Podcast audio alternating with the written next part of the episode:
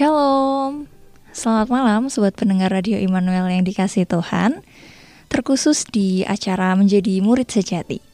Jumpa kembali dengan saya Karina Hindrawati dalam acara Menjadi Murid Sejati. Suatu pelajaran firman Tuhan yang akan menolong kita untuk mengerti Bagaimana menjadi seorang murid Kristus yang sejati.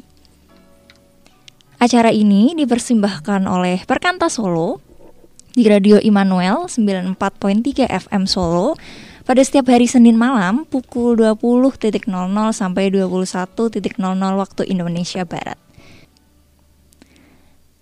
Pada malam hari ini, Senin 13 Juni 2022 telah hadir bersama saya, narasumber kita Mas Aditya Wicaksono, yang akan menolong kita untuk bersama belajar prinsip kebenaran firman Tuhan dengan tema berhala kesenangan duniawi. Baik, untuk selanjutnya saya persilahkan kepada Mas Adi. Oke, terima kasih Karin. Pendengar setia Radio Immanuel yang dikasihi Tuhan, selamat malam. Salam sejahtera bagi kita semua. Ya. Malam hari ini saya akan uh, menyampaikan sebuah materi ya. Masih dalam satu rangkaian bulan Juni ini kita belajar dengan tema besar berhala-berhala dalam kehidupan. Ya. Hari ini saya akan menyampaikan materi tentang berhala kesenangan duniawi. Betul ya Mbak Karin ya? Betul. Oke, berhala kesenangan duniawi ya. Sebelum saya masuk ke materi berhala kesenangan duniawi, saya akan um, mereview uh, singkat nih Mbak Karin ya. hmm.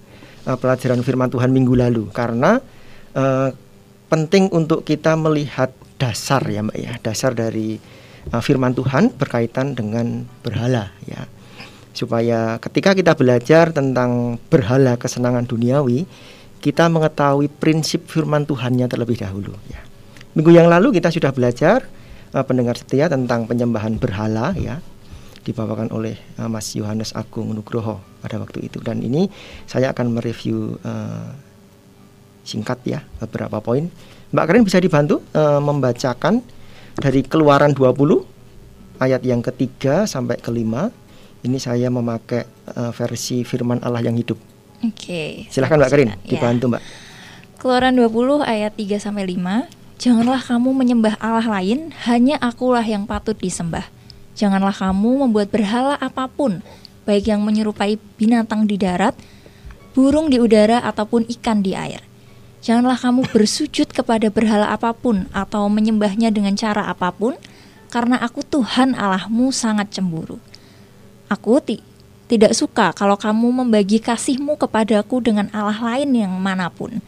Apabila aku menghukum orang-orang karena dosa mereka, hukuman itu juga menimpa anak, cucu, dan cicit orang-orang yang membenci aku itu. Baik, terima kasih Mbak Karin. Uh, firman Tuhan, bagian firman Tuhan ini adalah uh, bagian dari 10 perintah Tuhan, Mbak Karin yang disampaikan kepada bangsa Israel melalui Musa. Ada 10 perintah yang disampaikan Tuhan pada waktu itu. Dan perintah ini menempati urutan yang pertama. Ya, jadi kita bisa uh, menyimpulkan betapa penting ya uh, bagian ini ya. Ada dua poin yang saya catat di sini terkait dengan ayat tadi yang akan mendasari kita untuk belajar tentang berhala kesenangan duniawi. Yang pertama, Allah menghendaki supaya jangan ada Allah lain di hadapan Allah ya. Jadi Allah menghendaki relasi tunggal, Mbak Karin. Jadi uh, relasi yang tunggal hanya dengan Allah dan tidak dengan yang lain. Di dalam firman Tuhan tadi bahkan dikatakan uh, kalimatnya adalah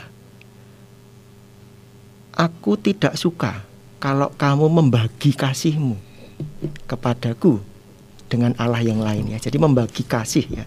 Allah tidak menghendaki itu, Allah menghendaki relasi tunggal hanya antara Allah dan manusia ya. Kemudian poin yang kedua yang saya garis bawahi di situ adalah Allah kita itu adalah Allah yang cemburu ya.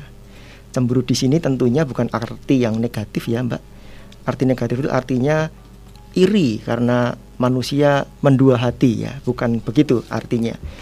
Tetapi artinya adalah hal itu menunjukkan keseriusan Allah ya yang ingin berrelasi dengan manusia ya. Jadi menunjukkan kesungguhan, keseriusan Allah untuk dapat berrelasi dengan manusia sehingga dia cemburu ketika manusia berbagi kasihnya kepada Allah yang lainnya. Dari dua poin ini kita jelas sekali uh, mengetahui isi hati Tuhan ya tentang dia tidak menginginkan Allah yang lain dan dia cemburu ketika kita berrelasi atau memiliki Allah yang lain selain daripadanya. Uh, berikutnya uh, kita akan belajar ini Mbak Karin hari ini tentang Allah ya, Allah lain atau berhala. Menurut Mbak Karin, apa yang Mbak Karin pikirkan ketika saya menyampaikan Allah lain atau berhala, Mbak Karin? Kalau di benak saya ya berhala itu langsung oh berkaitan dengan benda mati ya barang-barang mm -mm. yang tapi sangat disukai. Mm -mm. Atau kalau pada zamannya uh, Alkitab dulu itu berhala itu kan identik dengan patung-patung atau ya benda-benda mati yang disembah okay. seperti itu. Ya. Kalau di perjanjian lama dulu ada patung lembu emas ya. ya. Jadi uh, patung yang memang diciptakan untuk menggantikan posisi Allah untuk disembah gitu ya. Kalau kita melihat masa-masa sekarang itu juga kita melihat ada beberapa bentuk penyembahan berhala ya.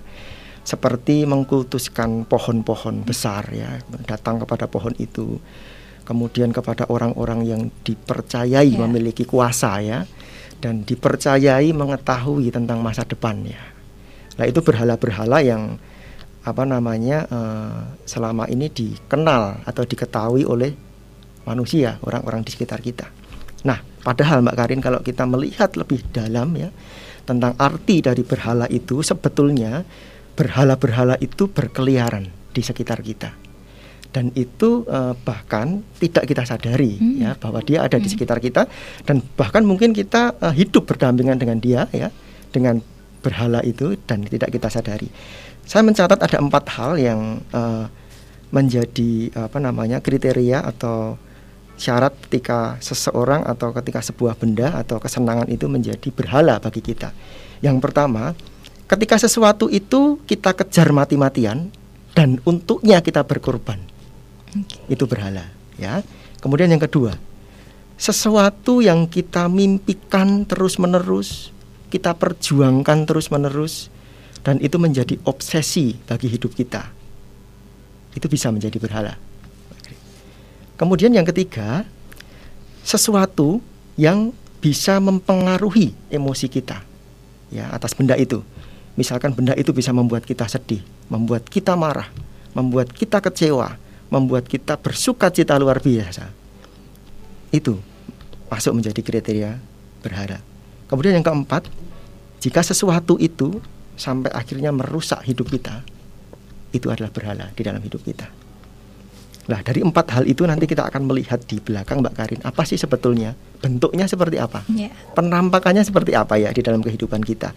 Nah, saya akan terlebih dahulu membaca firman Tuhan yang akan mendasari kita tentang berhala-berhala yang ada di sekitar kita ya. Dari 1 Yohanes 2 ayat 16 ya. Bisa dibacakan Mbak Karin? Oke. Okay.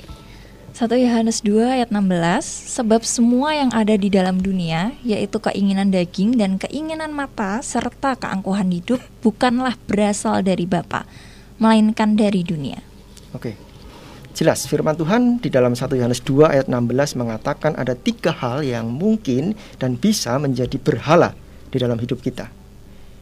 Pertama keinginan daging.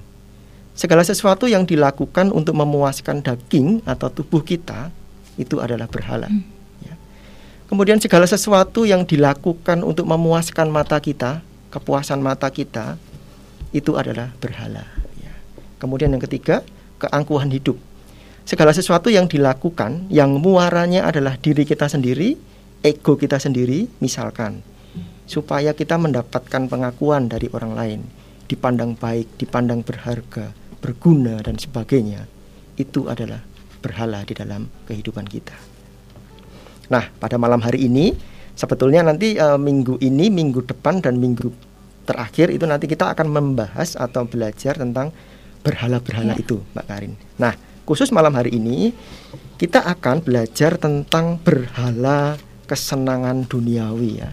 Wah ini tentunya uh, akan menjadi pembicaraan yang sangat menarik ya Mbak Karin ya karena kesenangan duniawi ya, ya. sesuatu yang kalau kita bicarakan mungkin tidak ada habisnya ya karena Betul. itu kesenangan memuaskan daging ya memuaskan mata dan sebagainya baik yang pertama saya akan membahas tentang kesenangan duniawi yang berkaitan dengan hiburan Mbak Karin tadi sebelum saya mulai uh, siaran saya menyodorkan ke Mbak Karin ini teks ya ternyata. Mbak Karin sudah pakai HP ya betul sekali ya.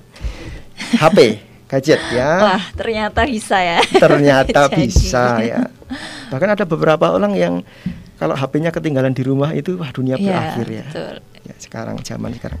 Pertama HP Mbak atau gadget ya. Kita melihat fenomena yang terjadi di sekitar kita Mbak Karin. Eh, Mbak Karin pernah melihat orang yang antri hmm. bahkan sampai tidur di gerai HP. Untuk apa Mbak Karin? Pernah melihat? Belum pernah itu Mas. HP seri terbaru keluar Kemudian oh. ada pengumuman tanggal sekian nanti ada HP terbaru keluar nih. Gitu. Orang tahu kemudian mereka sampai tidak hanya antri pada hari H itu, hmm. bahkan ada yang sampai tidur sebelumnya. Hmm. Uh, tidak tidur sorry tidak tidur dia sudah datang di toko itu sudah antri di depan toko itu supaya dia mendapatkan urutan hmm. dan nanti mendapatkan HP terbaru itu ya banyak orang terobsesi banyak orang diperhamba untuk memiliki HP atau gadget atau smartphone keluaran-keluaran terbaru ya. Itu begitu mengikat itu begitu penting bagi orang-orang tersebut ya.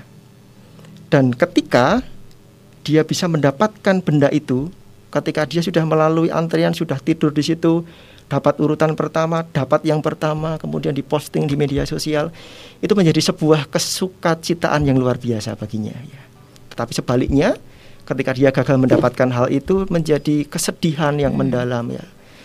Wah, saya kurang pagi datangnya. Saya harus menunggu nanti edisi berikutnya ya. Itu menjadi uh, kekecewaan atau kesedihan hmm. yang berlarut-larut ya. Nah, ketika kita ada di titik tersebut ya, ketika kita tidak bisa lepas ketika hal itu mempengaruhi emosi hmm. kita, saya bisa memastikan bahwa saat itu HP itu menjadi berhala bagi hidup kita. Okay. Kemudian yang kedua uh, sosial media ini, Mbak Karin punya IG, Facebook. Oh jelas. Semua ada ya. TikTok juga TikTok punya. punya. Tapi tidak usah dibagi ya. Tanya apa ya Mbak oh, Karin ya. iya. ya. Sosial media ya. Kalau kita bertanya ke sekarang terutama kepada anak-anak generasi alpha gitu ya. Semua hampir semua tidak hanya generasi X, Y, Z generasi alpha pun anak saya itu dia hmm. juga senang sekali dengan uh, sosial media atau game ya. Hmm. Ada banyak uh, apa platform ya media sosial yang dipakai dan yang terjadi di sekitar kita Mbak Karin tahu apa yang terjadi? Orang bisa menghabiskan berjam-jam waktunya untuk mengakses sosial media. Iya, betul. Ya. Sampai melupakan tanggung jawab yang hmm. harus dikerjakan ya yeah. pulang kerja badan capek ya harusnya istirahat istirahat ya ketemu dengan anak ngobrol dengan istri tetapi tangannya itu nempel terus mbak nempel di HP langsung nempel di HP fokus itu ya HP. lihat HP ditanya gitu hah gitu ya apalagi huh, sekarang gitu. pandemi ini ya, ya mas ya betul sekali waktunya gitu. habis di sosmed ya dan itu juga memberi dampak yang negatif juga ya ketika orang di tanya tidak berespon baik ya. Hmm. Kemudian ketika harus mengerjakan tanggung jawab A gitu ditunda karena dia asik dengan HP-nya. Gitu. Nah, pada titik ketergantungan dengan HP, ketika itu tidak bisa dilepaskan, ketika itu memberi dampak negatif bagi hidup orang itu, maka bisa dipastikan bahwa media sosial itu sudah menjadi berhala bagi hidup kita. Gitu ya. Itu yang kedua. Kemudian yang ketiga ada hobi, Mbak. Wah, ini hmm. hobi ini sesuatu yang apa namanya uh, baik ya sebetulnya oh. ya. Hobi itu diciptakan uh, sebetulnya untuk melepaskan diri dari kepenatan hmm. tugas ya dan rutinitas keseharian kita ya. Tentu itu baik ya. Dengan catatan kita bisa mengelola dengan baik hmm. ya Mbak Karin itu. Tetapi hobi itu juga bisa menjadi berhala nih bagi kehidupan kita ya. Mbak Karin suka drama Korea? Suka. Suka. Sudah berapa seri yang diikuti? Waduh, ya hitung itu mas. Sampai langganan enggak? Enggak sih. Oh, ya. enggak sih ya. hobi, hobi drama Korea ya. Eh, orang bisa berjam-jam melihat Ya. drama itu ya. Memang sengaja dibikin berseri-seri itu ya. Hmm. Seri 1, 2, 3 dan berikutnya itu. Dan ketika selesai seri 1 pasti ada eh, apa namanya seperti candu ya. Ya, Penasaran ya, ya. Pengen lanjut lanjut. terus. Seri kedua, oke seri kedua, oke dilihat lagi. Wah ternyata kok masih belum selesai nih Ya. penasaran saya ini. Seri ketiga lagi diikuti, sampai terus selesai. Biasanya berapa seri sih kalau drama Korea itu? Biasanya paling banyak mm, 20 mungkin. 20 ya? Iya. Berarti dalam satu judul kita mengalami eh, kecanduan berarti 20 kali ya. Seperti Sako gitu ya. Ya beberapa orang justru sampai Mm-mm. maraton tuh tiga hari Full itu ya? Iya untuk nonton drakor gitu. Wow. Sampai begitu ya Mbak Karin ya. Iya. Jadi saking penasaran Saking penasarannya. Saya pernah ada satu satu teman kenalan gitu Mbak Karin. Uh, uh, dia itu suatu hari dia harus masuk ke ICU Hmm. sakit ya kejang ya tubuhnya kejang-kejang Hmm. gitu. Setelah di dirunut ke belakang itu ternyata ada kaitannya nih dengan drama Korea Mbak. Waduh. Jadi dia bekerja, dia punya beban pekerjaan yang begitu berat Hmm. ya. Jadi ketika dia eh, penat, capek, pulang malam Hmm. gitu harusnya apa nih? Istirahat ya? Istirahat. Istirahat tidur, capek, eh, melepas capek gitu ya. Ya. Tetapi eh, dia nonton drama Korea. Hmm. Mungkin dia merasa wah saya dengan menonton ini nanti akan mendapatkan penyelesaian atas Hmm. kepenatan saya itu. Wah nonton sampai malam, sampai dini hari dia nonton Hmm. itu mbak ya. Mungkin secara secara emosinya dia senang ya karena itu menjadi apa namanya eh, apa namanya healing ya kalau Hmm, sekarang ya. ya, Jadi healing. healing. ya. Jadi healing. Tetapi di sisi lain ada fisik yang sedang Hmm. di apa namanya dikorbankan di situ. Sampai akhirnya dia malam dia kejang, kemudian dibawa ke rumah sakit. Oh. Ya, jadi eh, efeknya, efek candunya itu Hmm. sampai begitu ya. Jadi tidak hanya hobi senang mengikuti ceritanya, tetapi itu menjadi solusi bagi Hmm. rasa capeknya, gitu ya, rasa penatnya, gitu. Kalau eh, apa namanya obat penenang atau narkoba itu juga pa- dipakai seperti itu ya untuk Hmm. menenangkan tubuh gitu ya. Capek minum itu selesai. Dan ini ternyata drama Korea juga ternyata bisa memberikan dampak seperti itu. Ya. Iya. Nah, ketika kita ada di dalam titik seperti itu, pasti itu berhala dalam hidup kita. Hmm. Kalau kaum cowok itu, kalau cewek drama Korea ya, kalau cowok Iya. itu apa mbak sepak Cowok bola ya? Ada sepak Oh, bola. ya. sepak bola, Wah, sepak bola ini lihatnya luar dini biasa. kan biasanya ya, Mas, Iya ya. betul, luar biasa itu. Apalagi kemarin final Liga Champion Oh, itu, iya. wah tuh itu saya yakin tuh semua pencinta bola melihat itu ya. Bahkan mbak, saya dulu pernah juga eh, senang dengan itu. Saya pernah Hmm. candu dengan itu juga. Efek yang timbul itu sampai begini Mbak Karin. Nah, misalkan kan Liga Champion itu kan mainnya setengah dua pagi gitu ya. Hmm. Biasanya kalau misalkan kita mau, oh besok mau belajar jam 3 pakai waker nih. Kring jam 3 belajar gitu ya. Hmm. Tapi sepak bola enggak Mbak Karin. Saya pernah mengalami sendiri gitu ya. Tanpa jam. Tanpa jam tanpa ya, waker Mas. ya. Jadi aduh aku mau nonton nanti jam setengah dua itu tim kesayangan saya ya. Oh. Si A ketemu si B gitu ya. Saya harus bangun nih jam setengah dua dan benar bangun gitu. Bangun Tanpa alarm ya. Tanpa ya? alarm bangun langsung bangun ya jadi begitu tidak sadar itu menguasai diri Hmm. saya dan saya pernah satu kali waktu itu ya waktu itu satu kali saya ketiduran mbak Karin waduh jam setengah dua setengah lima baru bangun sudah selesai. Hmm. wah rasanya apa namanya kecewa apa gelo ya? Ya, kecewa, kemudian saya waduh Menyesal kenapa ya. menyesal luar biasa. Dan itu tidak selesai saat itu itu Hmm. berlarut-larut ya sampai apalagi nanti udah ketemu dengan teman-teman yang juga memiliki hobi yang ya. sama. Wah piye kok enggak nonton lagi? Dan sebagainya gitu. Nah pada titik itu ketika kita eh, hidup kita dibelenggu ya Hmm. hidup kita diikat ya dengan kesenangan itu bisa kita simpulkan bahwa itu menjadi berhala bagi hidup kita ya.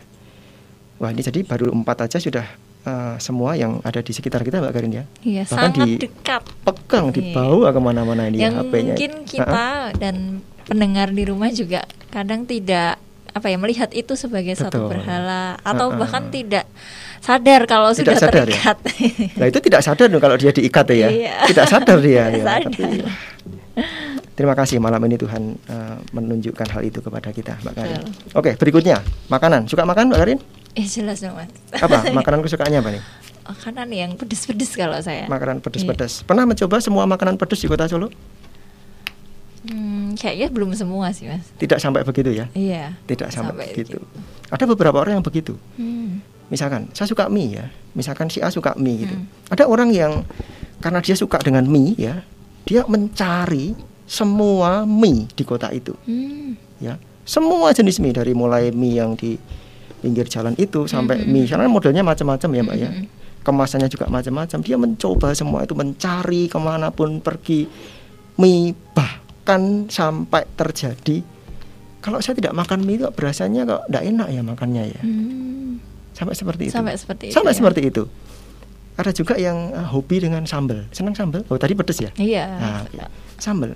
Ada beberapa orang itu yang makan kalau waduh nek anak sambal sambal kok ya, enak kayak ya. kurang gitu. Sampai kurang gitu ya. Memang eh, makan dengan sambal itu nikmat ya, Hmm. bisa dinikmati, tidak salah. Bukan Hmm. berarti oh tidak boleh suka sambal, tidak Hmm. begitu ya. Tetapi ada orang-orang yang sampai mengejar, sampai menghabiskan energinya, sampai menghabiskan uangnya, sampai menghabiskan waktunya hanya untuk mengejar makanan-makanan kesukaan Hmm. itu. Punya kenalan begitu enggak? Ada beberapa ya mas. Ada beberapa. Ini sejenis suka Bisa cerita? nongki-nongki. Oh, nongki-nongki. Kalau sekarang kan lagi hitsnya kopi-kopi. Kopi-kopi ya, Mbak, ya? Sampai semua dicoba. Semua dicoba ya. Kalau tidak kopi, piye rasanya gimana? Kayaknya kurang. Kurang gitu ya? Setiap hari mengkonsumsi. Setiap kopi. hari mengkonsumsi kopi ya. Padahal juga kalau kita rasakan sama saja ya rasanya. Iya. sama. Sensasinya. Ya. Sensasinya ya. Apalagi kalau sudah ketemu dengan teman-teman Iya. gitu ya. Makanya sekarang banyak eh, warung-warung kopi di mana-mana ya Mbak. Karin ya. Dan ternyata sampai seperti itu ya. Hmm. Apa namanya eh, ikatan yang ditimbulkan Hmm, dari sebuah kesenangan terhadap makanan. Bahkan ada sebuah apa namanya eh, statement ya yang mengatakan tentang makanan kita makan untuk hidup atau kita hidup untuk makan nih Hmm. gitu ya. Harusnya kan hidup untuk makan atau makan untuk hidup? Makan, Makan untuk, untuk hidup, ya. hidup. Makan untuk hidup ya. Tetapi ada yang dibalik. Dia hidup untuk makan. Jadi hidupnya itu hanya Hidupnya untuk untuk- ya, makan, makan. ya. Mengejar kesukaan saya, Hmm. ke mana pun pergi saya akan kejar ya. Gitu. Nah, eh, berikutnya eh, sebetulnya kita bisa mengukur ya Mbak Karin ya. Hmm.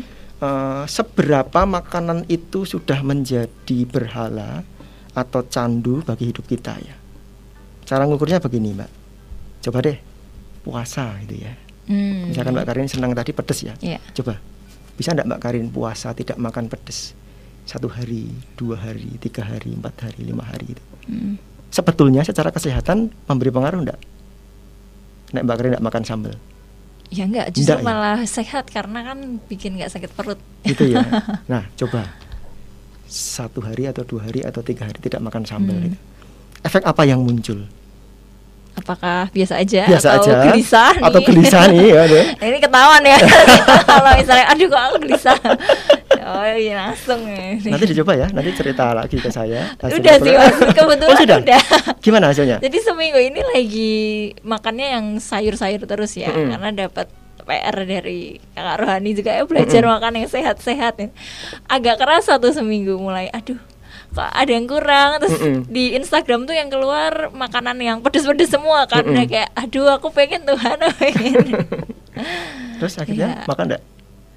Ya seminggu ini nggak baru Nggak ya? kemarin itu pun ya udah porsi biasa Oke. ada sambal di nggak sampai yang ih langsung Oke. mengejar Tapi sempat terjadi gejolak ya.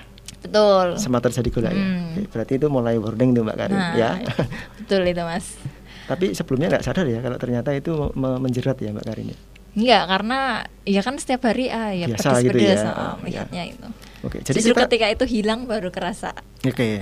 Nah, itu yang bisa kita kita apa namanya? kita tes ya. Hmm. Seberapa makanan itu sudah menjadi candu Hmm. atau sudah menjadi berhala bagi hidup kita ya.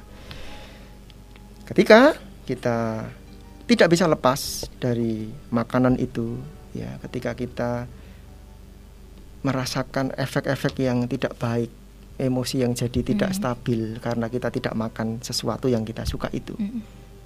bisa kita simpulkan itu menjadi berhala bagi hidup kita. Jadi harus hati-hati dengan hal itu. Ya. Kemudian yang berikutnya uh, kita bicara tentang budaya instan nih. Wah, hmm. ini Mbak Hmm. Karin, generasi apa nih? X, Y, Z, Alpha, Z dong Z saya. ya. Budaya Z.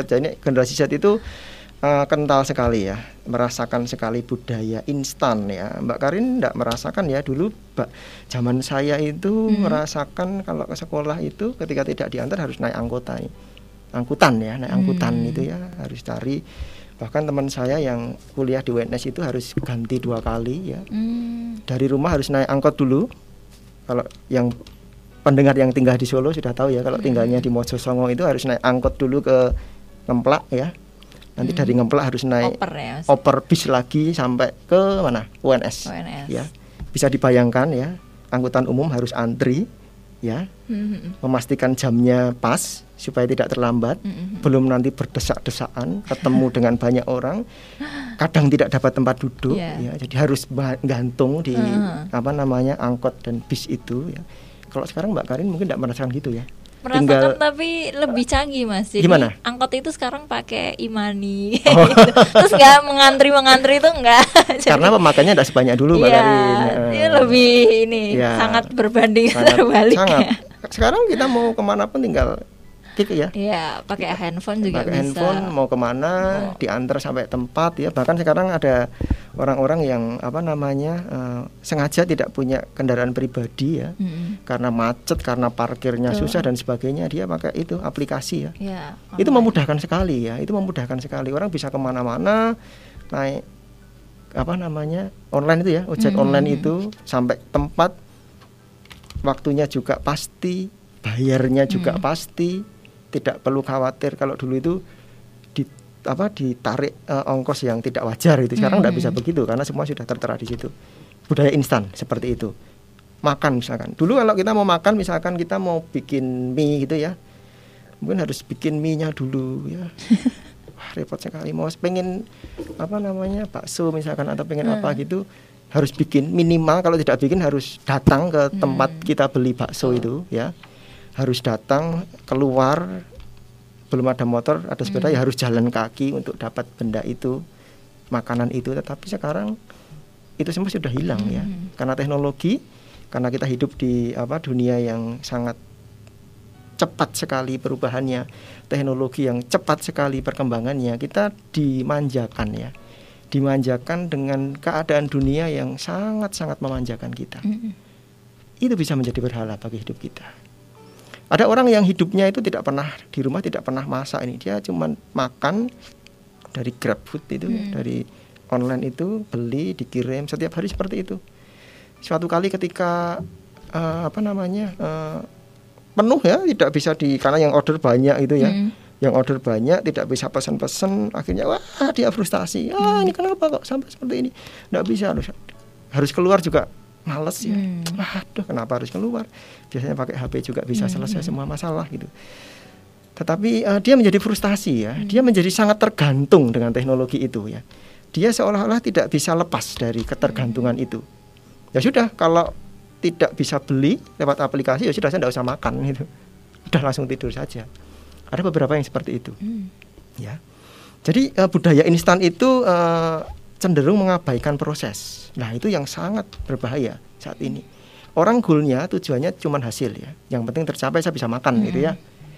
Dia tidak pernah merasakan bagaimana perjuangan mendapatkan sesuatu itu. Bagaimana harus keluar dari rumah membeli ya kemudian bagaimana dia ketika tidak mendapatkan barang itu itu dia tidak pernah mengalami itu mbak Karin.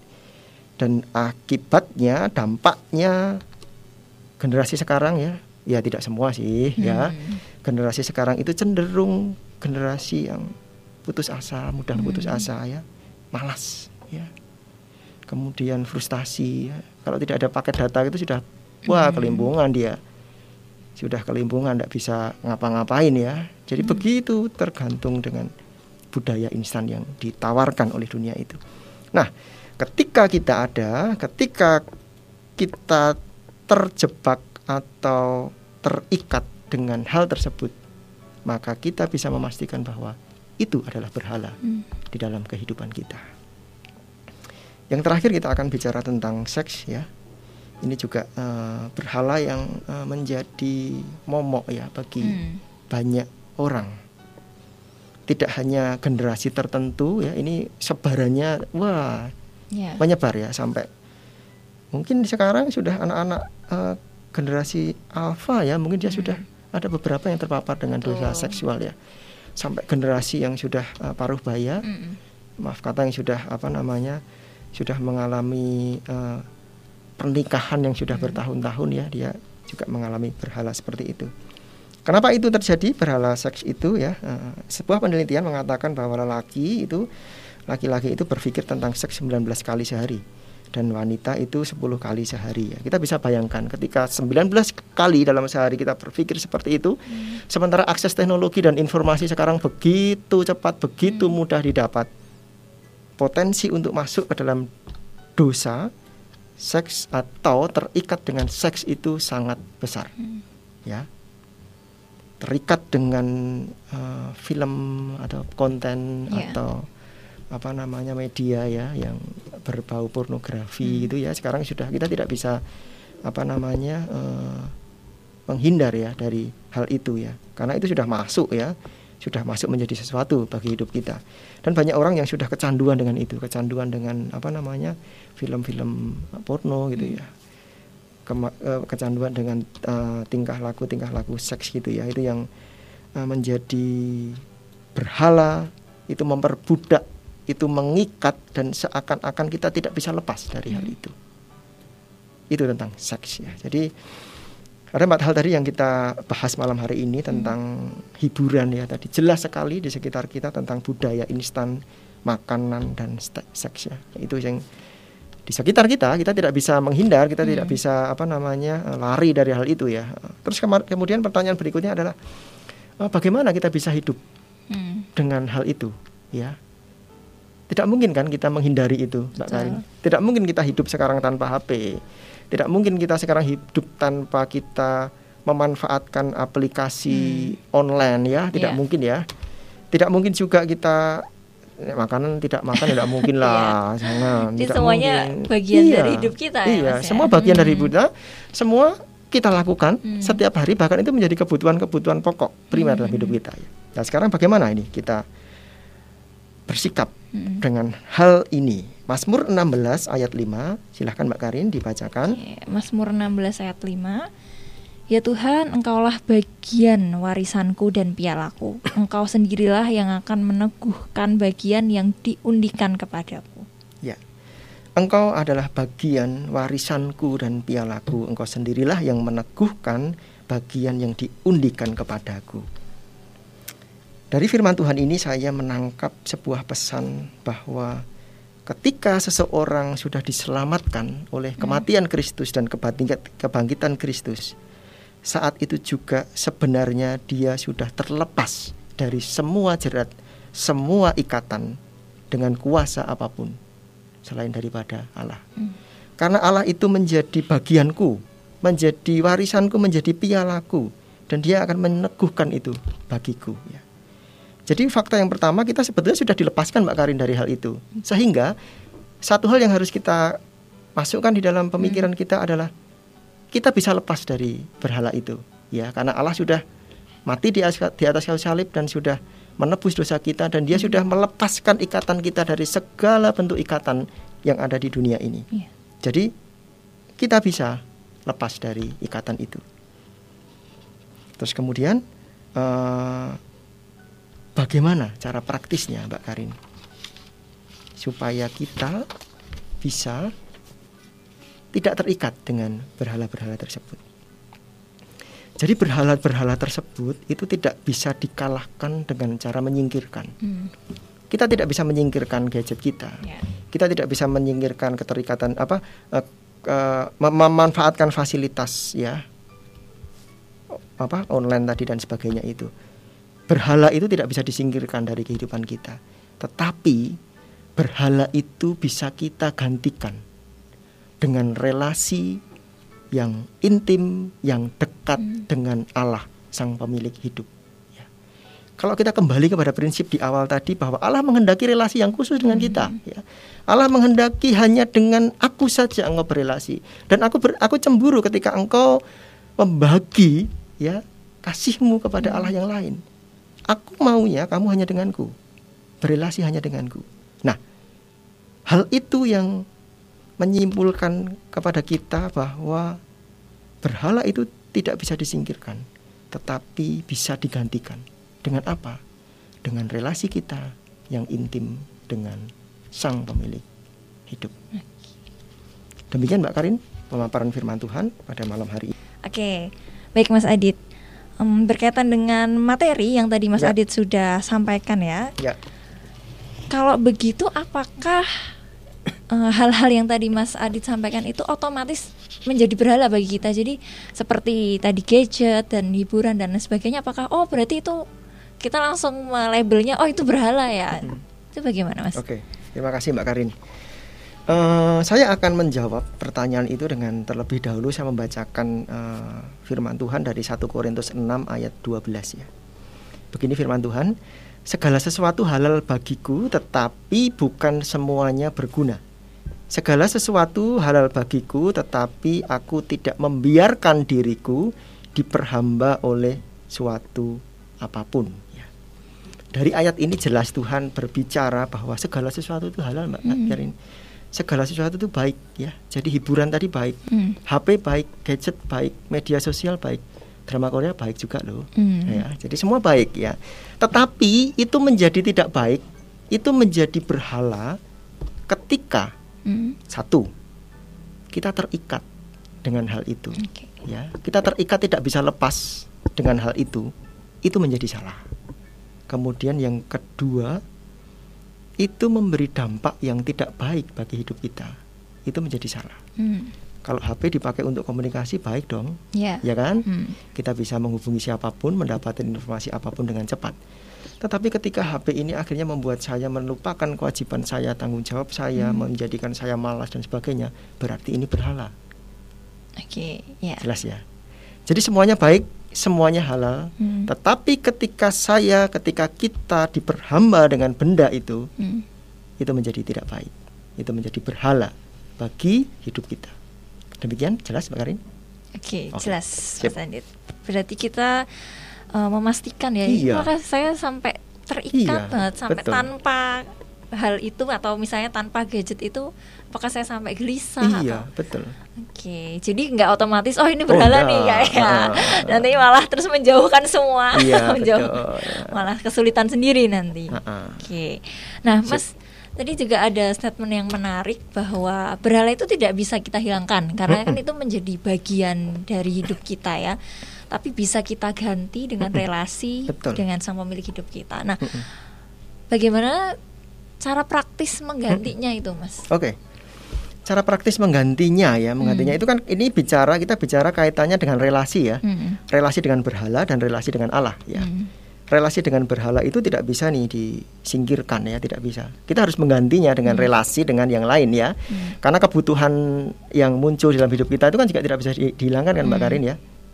Maka kita harus eh, menjalin relasi dengan Allah sang pemilik hidup. Hmm. Bentuknya seperti apa? Contoh praktisnya seperti apa? Kita menjalin atau memiliki relasi dengan Allah ya. Hmm. Jelas. Contohnya miliki waktu-waktu khusus ya, waktu-waktu pribadi dengan Tuhan ya.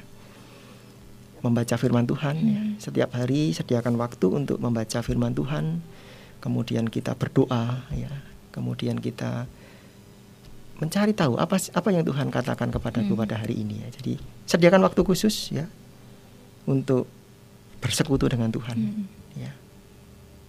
Masuk ke dalam grup-grup Hmm. ATB gitu ya pemahaman Alkitab Oke, bersama komunitas ya, untuk Mas, komunitas ya. ya, untuk saling menjagai ya karena kalau kita sendiri gitu Hmm. tentunya akan ser- singa yang berjalan tadi dia akan terus mengintai kita ya Eh, jadi miliki waktu khusus dengan Tuhan membaca firman Tuhan berdoa Hmm. terus bisa juga dengan menghafal ayat Mbak Hmm. Karin itu praktis juga ya kita Hmm. menghafal ayat misalkan tadi kita menghafal 1 Korintus 6 12 gitu ya Hmm. Segala sesuatu hal bagiku tetapi tidak semuanya berguna, segala sesuatu hal bagiku tetapi aku tidak mau diriku diperhamba oleh suatu apa pun. Itu diingat, dihafalkan Hmm. ketika kita menghadapi pencobaan-pencobaan itu ya, berhala-berhala itu kita ingat bahwa oh, aku sudah diperhamba nih dengan Hmm. benda ini. Berarti aku harus lepas dari Hmm. hal itu ya. Jadi Oke. seperti itu Mbak Karin, praktisnya Mbak. Iya. Ya. Berarti dalam kaitan mengganti mm -hmm. tadi berrelasinya tuh yang jelas ya. Iya, Jadi ya real gitu membangun ya. betul seperti Betul. doa, belajar firman. Betul Tadi Mas sekali. Adi juga memberi contoh hafal ayat itu membuat menolong oh jadi tahu oh ini Mm-mm. saya sudah terikat atau belum. Ya. Taunya ya dari firman itu ya Iya, Mas ya. betul sekali. Oke, nah terakhir nih Mas karena waktu kita terbatas ya. Em, berkaitan tadi yang emosi, bagaimana berhala itu mempengaruhi emosi. Nah itu maksudnya gimana ya Mas? Ya, berhala mempengaruhi emosi ya. Oke, tadi saya bikin uh, ada contoh ya tadi yang contoh hobi itu ya, itu Hmm. jelas sekali itu mempengaruhi emosi itu. Tadi hobi Hmm. sepak bola ya, saya sendiri mengalami waktu beberapa waktu yang lalu mbak uh, pernah terjebak di dalam berhala ini. Jadi Hmm. orang-orang yang sudah terikat dengan hobi ya, dengan kesenangan itu, contohnya sepak bola itu ya. Uh, dia senang dengan tim A, kemudian itu final yang ditunggu-tunggu gitu ya, Hmm. berharap dia menang setelah sek- sekian tahun tidak menang gitu ya, sampai emosinya terbawa ke situ tuh. Iya. Seolah-olah dia menjadi bagian dari tim itu Hmm. ya. Bisa merasakan emosinya, bisa merasakan uh, apa namanya? uh, keinginannya untuk menjadi Hmm. juara itu sampai itu masuk ke dalam hatinya ya. Hmm. Kemudian pertandingan berjalan akhirnya kalah Mbak Karin. Hmm. Waduh, kecewanya bukan main apa namanya? Waduh, kok kalah begini? Sedihnya bukan main. Ya. Waduh, kenapa kenapa kalah ya? Kenapa kalah itu? Dan itu tidak selesai. Hmm. Selesai saat itu tidak selesai itu. Masih eh, berlarut-larut ya. Sepanjang hari itu masih merasakan kesedihan. Wah, misalkan Piala Dunia, aku nunggu empat Iya. tahun harus empat tahun lagi nanti. Ya kalau lolos atau enggak itu ya. Itu terikat ya, jelas Hmm. itu terikat dengan kesenangan hobi itu ya. Dan itu mempengaruhi emosi Hmm. ya. Begitupun dengan hobi-hobi yang lain seperti tadi drama Korea dia Hmm. itu juga bisa mempengaruhi emosi. Mbak Karin pernah eh, emosinya terpengaruh karena film itu? Ya pernah. Pernah ya. Sampai ke bawah habis nonton tetap Ha-ha. masih wah suasananya ya, gitu ya. ya. Bahkan sampai masuk ke dalam awa- alam apa pikiran Bawah sadar. bawah sadar ya Mbak Karin ya. Oh ya. Ya itu itu contohnya. Hmm. Jadi sampai ke Oke. emosinya wah itu waduh luar biasa sekali pengaruhnya. Hmm. Dan itu banyak tidak disadari Betul. oleh orang-orang Hmm. bahwa ketika kita mengalami hal itu kita sedang mendukakan Allah. Hmm. kita sedang membuat Allah cemburu. Padahal dia ingin sekali berrelasi, bersekutu Hmm. dengan kita. Tetapi kita kalahkan dengan hal yang seperti itu dan apa namanya eh, ironisnya lagi kita Hmm. tidak sadar nih dengan Betul. hal itu. Seringkali kan Karin. wajar ya Mas Iya, ya. oh, Tidak wajar. melihatnya sebagai oh ini kok aku sampai seterikat Oh, ini. terikat ini betul. Oke, ya ya. Begitu, Mbak Karin? Oke. Baik sobat pendengar yang dikasih Tuhan, eh, sayang sekali ya waktu karena keterbatasan waktu. Jadi pelajaran firman Tuhan kita berkaitan dengan berhala, kesenangan duniawi. Eh, kita akhiri sampai di sini. Namun sebelum berpisah, kita akan kembali mendengar kesimpulan dari pelajaran firman Tuhan pada malam hari ini sekaligus akan diakhiri dengan doa. Eh, kepada Mas Adit saya persilahkan. Ya. Baik, eh, pendengar setia Radio Immanuel yang dikasih Tuhan, eh, program menjadi murid sejati. Malam ini kita sudah eh, belajar ya, bagian pertama dari nanti ada tiga bagian yang akan kita pelajari berkaitan dengan berhala-berhala di sekitar kita ya. Gitu. Ada tiga poin yang saya simpulkan dari pelajaran firman Tuhan pada malam hari ini. Yang pertama, satu hal yang perlu dan harus kita ketahui adalah kerinduan Allah yang begitu besar untuk bisa berrelasi dengan kita. Allah tidak menghendaki kita membagi kasih kita kepada Allah yang lain. Dia hanya ingin memiliki relasi tunggal dengan manusia. Dan Allah kita itu adalah Allah yang cemburu. Bukan berarti dia iri ketika kita menjalin relasi dengan Allah yang lain. Tetapi cemburu itu adalah bentuk keseriusan Allah untuk bersekutu dengan manusia. Bahwa dia betul-betul ingin bersekutu. Ingin menjalin relasi yang khusus dengan manusia. Itu kesimpulan yang pertama. Kemudian yang kedua, sebuah ayat yang sangat uh, baik mungkin perlu untuk kita hafalkan ya. Dari 1 Korintus 6 ayat 12 tadi uh, segala sesuatu halal bagiku, tetapi bukan semuanya berguna. Segala sesuatu halal bagiku, tetapi aku tidak membiarkan diriku diperhamba oleh suatu apa pun. Jadi segala sesuatu di sekitar kita itu adalah baik adanya. Diciptakan Allah baik. Diciptakan Allah untuk membuat manusia menjadi lebih produktif. Manusia bisa lebih memaksimalkan potensi dirinya. Membuat dunia menjadi lebih baik. Membuat komunikasi menjadi lebih baik. Tetapi perlu kita tahu bahwa hal-hal itu berpotensi menjadi berhala di dalam kehidupan kita ketika hal itu menjadi candu atau hal itu menguasai atau hal itu membuat kita menghamba atau menjadi hamba kepada kesenangan-kesenangan atau benda-benda itu. Mari kita meneliti hidup kita masing-masing, adakah relasi dengan hiburan, kemudian makanan, kemudian budaya instan tadi maupun seks yang itu membelenggu kita. Di hadapan Tuhan kita akui itu dan kita memulai relasi yang lebih baik, relasi yang intim dengan Tuhan.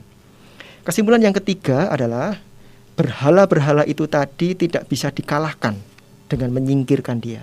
Jangan pernah bermimpi menyingkirkan itu. Jangan pernah bermimpi kita bisa melepaskan itu dengan menghilangkannya dari kehidupan kita. Tidak bisa. Kenapa? Karena memang itu juga diciptakan Allah untuk membuat hidup kita menjadi lebih baik. Tetapi jalan keluarnya adalah kita harus menggantikan hal itu dengan relasi yang lebih dekat, lebih intim dengan sang pemilik hidup. Mulailah dengan hal-hal praktis, sediakan waktu khusus setiap hari membaca firman Tuhan, ya, Kemudian kita berdoa meminta pertolongan Tuhan sepanjang hari ini. Kemudian penting juga bagi kita untuk mungkin uh, mulai menghafal ya, mengutip ayat kemudian menghafal dan itu akan kita pakai untuk senjata kita ketika kita menjalani kehidupan kita. Berhala-berhala itu berkeliaran, berjalan-jalan terus mengintai kita seperti singa yang mengaum-ngaum dan siap kapan pun menerkam kita. Itu yang perlu kita sadari. Dan kita berdoa meminta kepada Tuhan supaya Tuhan sendiri yang menolong kita memiliki relasi yang intim dengan Sang Pemilik hidup. Amin. Terima kasih eh, Mas Adit dan demikian sobat pendengar yang dikasih Tuhan, siaran menjadi murid sejati hari ini Jangan lupa untuk terus mendengarkan siaran radio Immanuel menjadi murid sejati. Kita akan berjumpa lagi minggu depan tetap di hari dan gelombang yang sama. Selamat malam, Tuhan Yesus memberkati.